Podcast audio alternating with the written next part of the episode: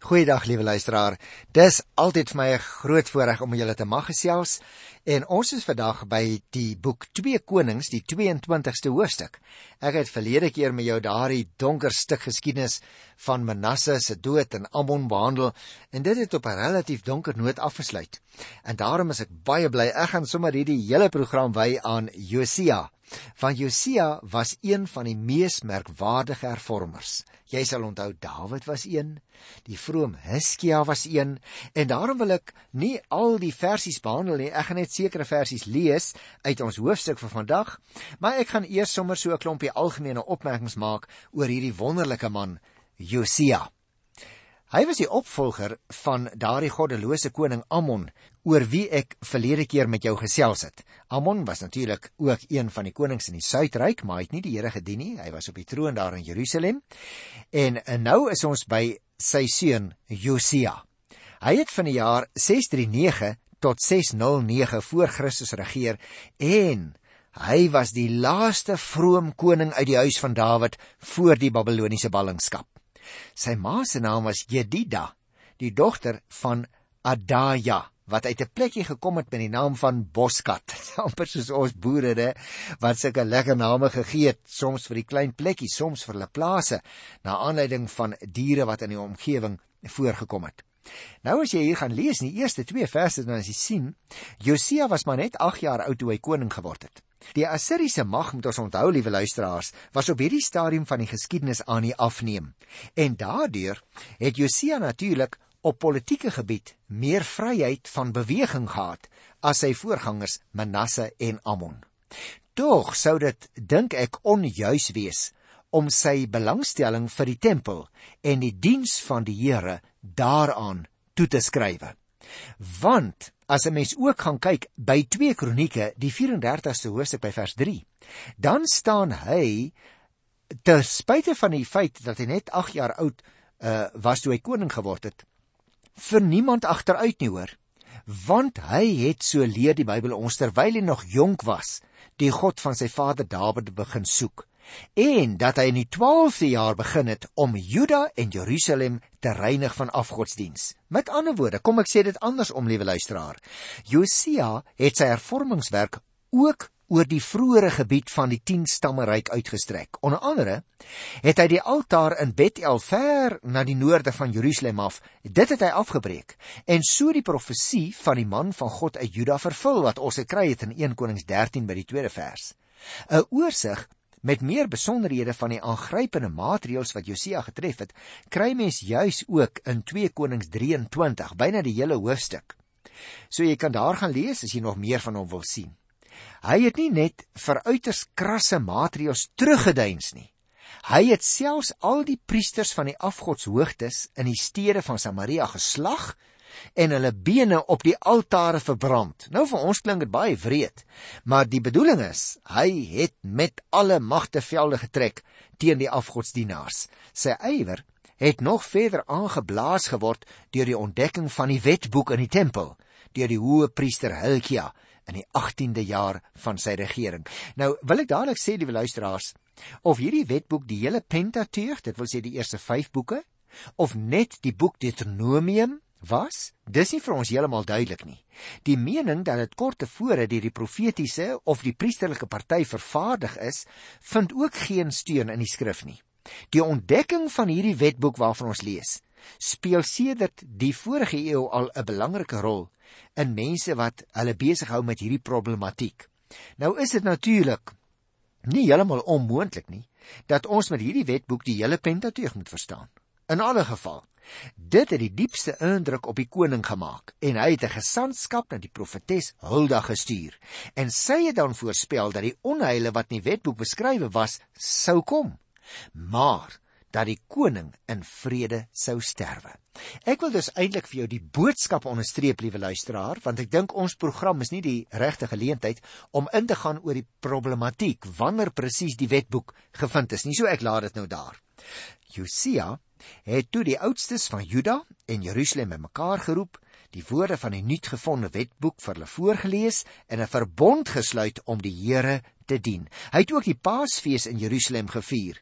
So 'n Pasga staan daar soos die is sedert die dae van die rigters en die konings nie in Israel gehou nie. Jy kan gerus kyk in uh, 2 Konings 23 vers 22, daar kry jy die inligting. Nogtans, liewe luisteraars, nogtans het die Here toornig gebly teenoor Juda. Hoekom? Vanweë die smaad wat Manasse die vorige koning vir hom wat die Here is aangedoen het. Ons sien tussen hakies ook uit die boek Jeremia, dit gaan nog lank vat voor ons daar kom, maar ek wil net daarna verwys. Daar in die boek Jeremia sal jy sien dat die volk hulle nie met hulle hele hart bekeer het op hierdie stadium nie. Wat Josia beweeg het om uiteindelik vir Farao Nego te gemoed te gaan toe hy opgetrek het om die koning van Assur te probeer help, dit weet ons nie. Dis nie onwaarskynlik nie dat hy die vroeëre gebied van die 10 stamme wou hê. Met ander woorde, hierdie man wat die Here so gedien het, was ook nie volmaak nie, luisteraars. En hy het die dwaase ding gedoen om 'n klompie van die Egiptenaars te gemoed te trek. Tydens daardie veldtog van hom het iemand 'n pyl afgeskiet en hierdie vryvliegende pyl het koning Josia in die harnas getref en hy het daar in sy wa gesterwe. Nou maar as ons nou na die Bybel self kyk, na een van hierdie ek wil amper vir jou sê die mees merkwaardige uh hervormer, dan uh, dink dink ek wil ek dit oorsigtelik doen. Ek gaan eers die eerste 3 versies net lees. Luister so 'n bietjie, ek begin hier by 2 Konings die 22ste hoofstuk. Josia was 8 jaar oud toe hy koning geword het. Hy het 31 jaar in Jerusalem geregeer. Sy ma was Jedida, 'n dogter van Adaja, uit Boskat. Josia het gedoen wat reg is in die oë van die Here. Hy het in alles die pad geloop van sy voorvader Dawid en hy het daar nie links of regs van afgewyk nie. Nou luisteraar, het jy opgemerk die beskrywing van Josia se bewind is op 'n baie kunstige manier gerangskik in die Bybel. In hierdie eerste 2 verse word dadelik vertel van sy kroning en dit bevat 'n evaluasie en ook sommer dadelik 'n kort samevatting van sy bewind. Daarom het ek vir jou gesê, gaan ek nie alles vandag vers vir vers behandel nie, word word eintlik al in die eerste 2 verse opgesom. En daarna volg daar 5 koninklike inisiatiewe wat elkeen ingelei word deur 'n bevel van Josia. Byvoorbeeld, die herstel van die tempel en die vind van die wetboek, die bepalinge van die wetboek, die hernuwing van die verbond. Al hierdie godsdienstige hervorminge het plaasgevind as gevolg van 'n wet wat die koning uitgevaardig het. Dis ook interessant om te weet, die naam Josia beteken die Here ondersteun. Met ander woorde, sy regering word deur twee belangrike gebeurtenisse gekenmerk. 1 die ontdekking van die wetboek in die tempel en tweedens die hervormings wat aan die tempeldiens self aangebring is. Die skrywer het nie genoeg woorde om Josia se lof te besing as 'n mens hierdie gedeelte lees nie. Want na die volledige inleidingsformule volge beoordeling waarin hy as 'n waardige opvolger van Dawid bestempel word. Josia was maar 8 jaar oud het ons gelees toe hy koning geword het.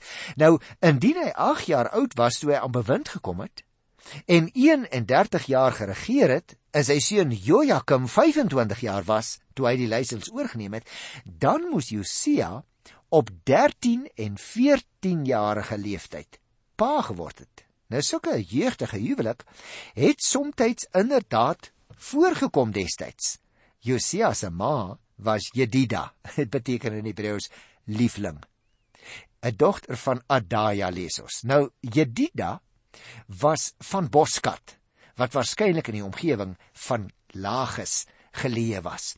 Nou gaan ek nog so 'n stukkie lees by Hosea 22 want ek het jou nou heelwat vertel van die wetboek wat gevind is. En ek wil so 'n stukkie daarvan uit die Bybel self lees.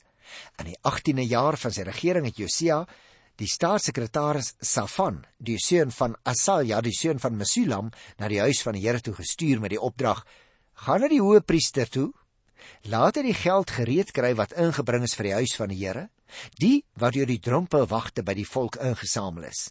Die geld moet oorhandig word aan die mense wat vir die werk aan die huis van die Here sorg. En hulle moet daarmee die werkers betaal wat die huis van die Here moet herstel." Vers 7 sê: Daar hoef nie van hulle rekenskap gevra word van die geld wat aan hulle oorhandig word nie, want hulle is betroubaar. Nou ek dink luisteraars, die rentmeesters wat na ons program luister en die ouens wat goeie boekhouers is, sal sê, "Jo, dis al 'n bietjie onverantwoordelik, né? Uh om as dit ware nie boek te hou van die geld wat uitbetaal word aan die werkers nie." Maar nou ja, in daardie tyd het dinge so bietjie anders verloop as vandag. So ek dink ons hoef ons nou nie te veel daaroor te bekommer nie. Maar nou wil ek baie graag hier by vers 11 tot 13 lees, want hier kry ons nou 'n baie belangrike gedeelte. Vers 11 sê: Toe die koning hoor wat die wetboek sê, het hy sy klere geskeur en opdrag gegee aan die priester Gilkia, aan Agikam, die seun van Safan, aan Akbor, die seun van Micha, aan die staatssekretaris Safan en aan Asaja, die hoofamptenaar van die koning. Nou luister wat het hy vir hulle gesê gaan raadpleeg die Here namens my en namens die hele volk Juda. Raadpleeg hom oor die inhoud van hierdie boek wat gekry is. Ons voorvaders was ongehoorsaam aan die eise van hierdie boek en hulle het nie gehandel in ooreenstemming met alles wat daarin staan nie. Daarom is die toorn van die Here wat teen ons ontvlam groot. Met ander woorde, die koning neem nou met baie groot erns kennis van die inhoud van daardie gedeeltes uit Deuteronomium. Jy moet oplet. Die hoëgeplaaste afvaardiging wat Josia nou na die profetes toe stuur, is 'n teken van die erns waarmee hy die oordeel oor die ongehoorsaamheid van die volk beheer het.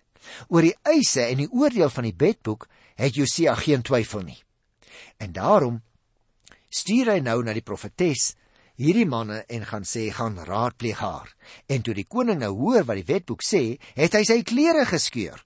Waarom?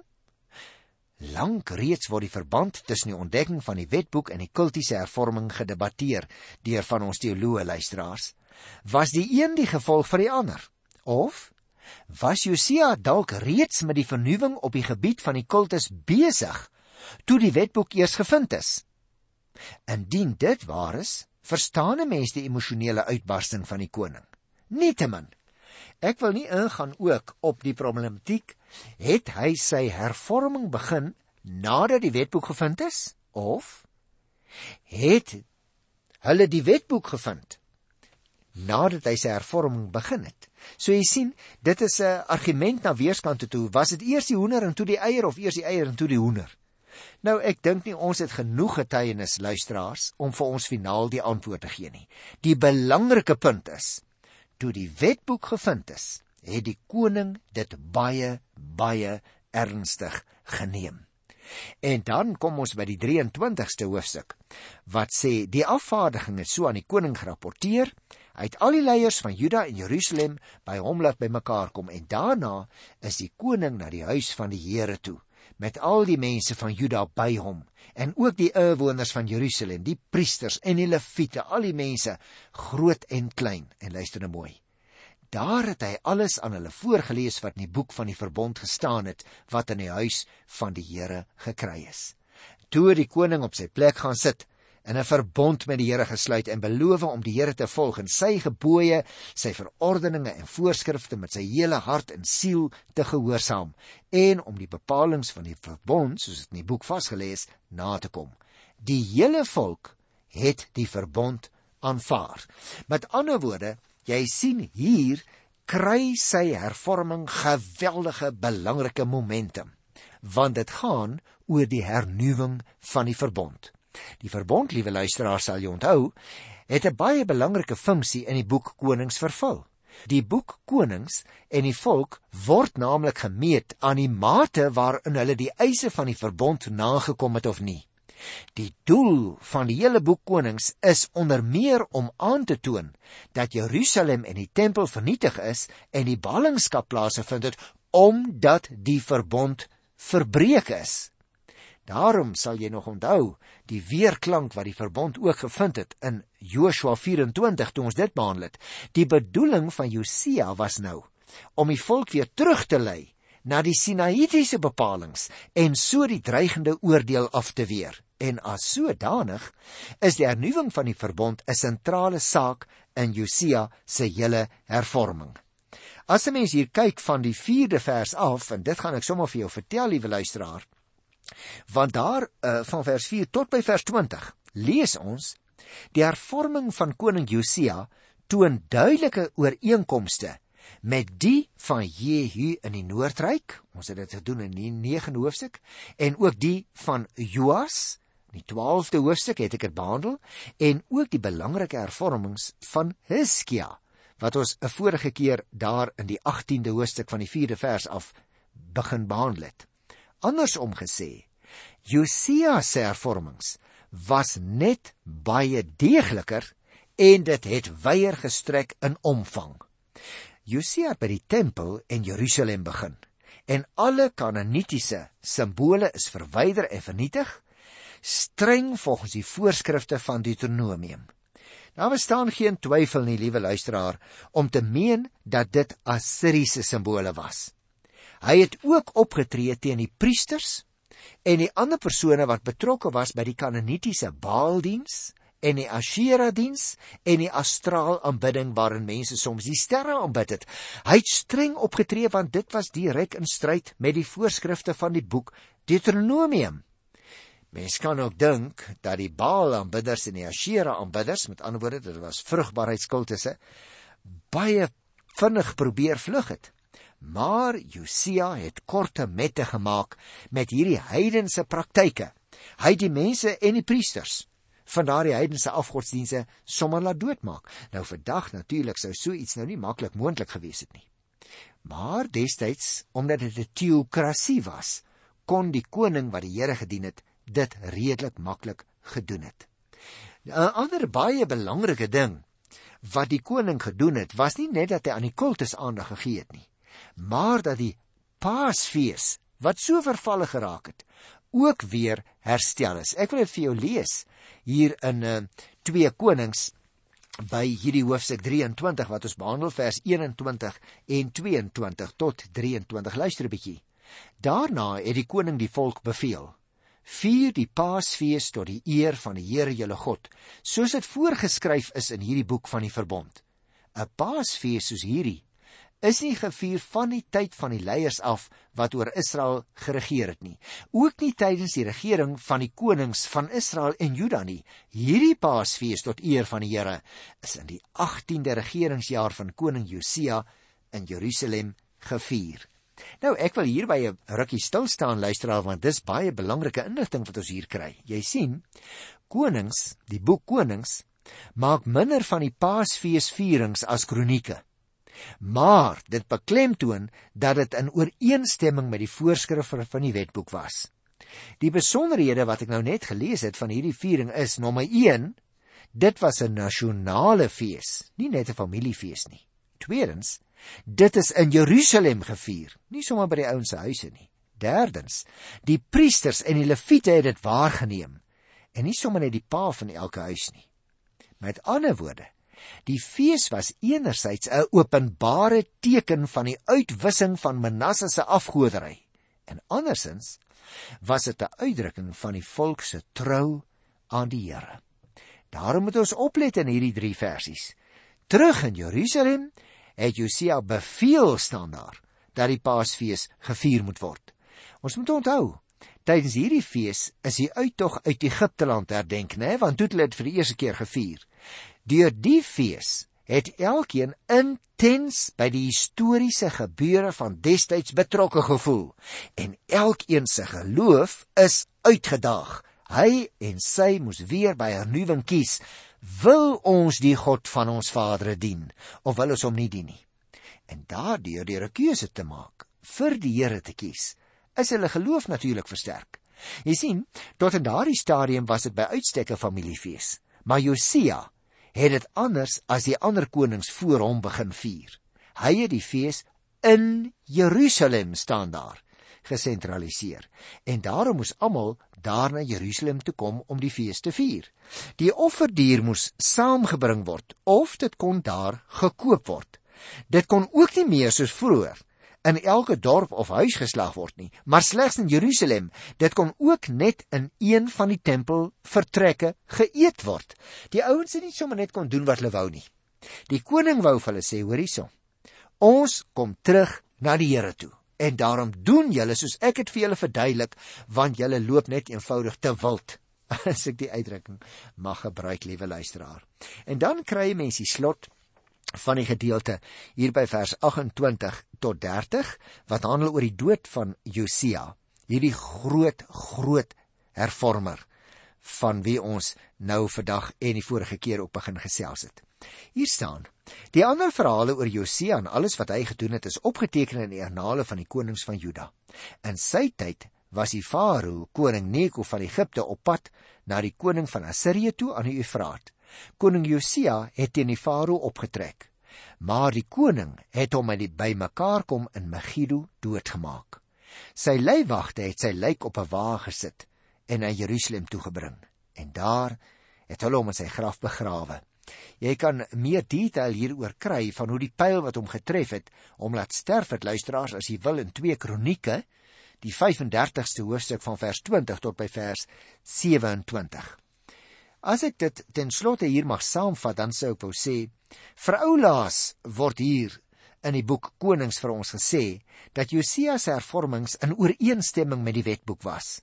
Hy word geloof as die koning van Israel omdat hy die Mosaïese bepalinge uitgevoer het. Tog is daar 'n onheilspellende noot hier. Josia se vroomheid en hervorming het nie die oordeel afgewend nie. Op jeugtige leeftyd sterf hy dan wanneer Farao Neko wil verhinder om die laaste reste van die Assiriese leer teen die opkomende Babilonië te gaan bystaan. En ongelukkig sterf hy dus vroeg.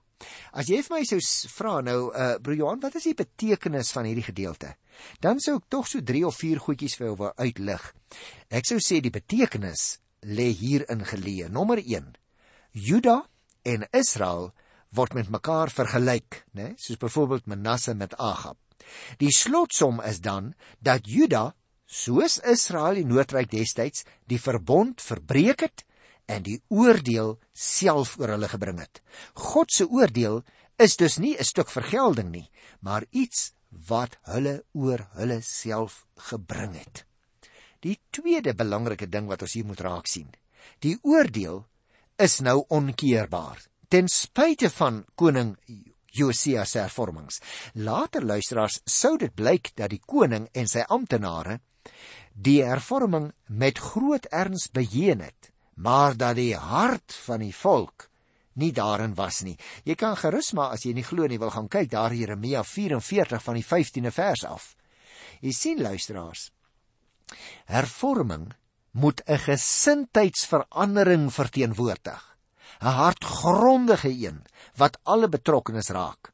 Hervorming luisteraars is net soos in 'n land of in 'n kerk of in 'n familie, nie iets wat maar net een enkele persoon raak nie daar moet 'n hart, hart ek herhaal, daar moet 'n hartgrondige verandering by mense plaasvind. En jy en ek moet dit onthou want die Bybel is vandag mos nog net so waar.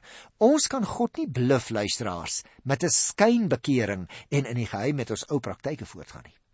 Derde ding dink ek wat ons moet raak sien is dit. Ten spyte van die uitspraak dat die oordeel onverwendbaar is, het Josia met sy hervorming voortgegaan alhoewel hy geweet het dat dit nie regtig sake sal verander nie. En daarmee luisteraars, het hy getoon dat ware vroomheid nie gerig is op die voordele wat daarmee verwerf kan word deur 'n mens self nie, maar op 'n verhouding waarin dit veranker is. Met ander woorde, hy het nie nou ook ontrou aan die Here geword omdat die meeste mense ontrou was nie. Hy het voortgegaan om die Here te dien. Onthou, jy en ek as Christus gelowiges, ons doen ook goeie dade tot eer van die Here. Nie ter wille van wat ons daaruit mag baat en voordeel mag hê nie. Die laaste belangrike ding wat ek dink ons hier moet opmerk, luisteraar, is dit. Die hervorming van Josia was op grond van die Here se woord. Dit was nie sommer 'n oppervlakkige dingetjie wat hy self uitgedink het om hier en daar 'n ou veranderingkie aan die erediens aan te bring nie. Dis veranderings wat aangebring is op grond van die Bybel soos dit op daai stadium bestaan het. En hierdie boek het hom so aangegryp en sy optrede ingrypend bepaal. En wie wat? Dit dwing ook vir jou en vir my om onsself af te vra tot watter mate laat ek my nog aangryp deur die Bybel? In watter mate Laat ek toe dat die Here deur sy gees lewensveranderend in my lewe insny op grond van dit wat ek in sy woord lees. Ek dink jy kan verstaan hoekom ons program se naam is die Bybel vir vandag. Dit help jy lees net die Bybel nie. Jy moet die wil van die Here daarin soek in nederige afhanklikheid onder leiding van die Heilige Gees en dan, wie wat? Dan moet jy en ek die waarhede van hierdie wonderlike boek onvoorwaardelik begin toepas in ons lewens. Mag ek jou 'n vragie vra vir oulaas vandag? Volg jy dit na wat in die boek staan? Erken jy dit is die Here se woord en lewe jy daaruit? Ek groet jou in die Here se naam tot volgende keer. Tot dan. Totsiens.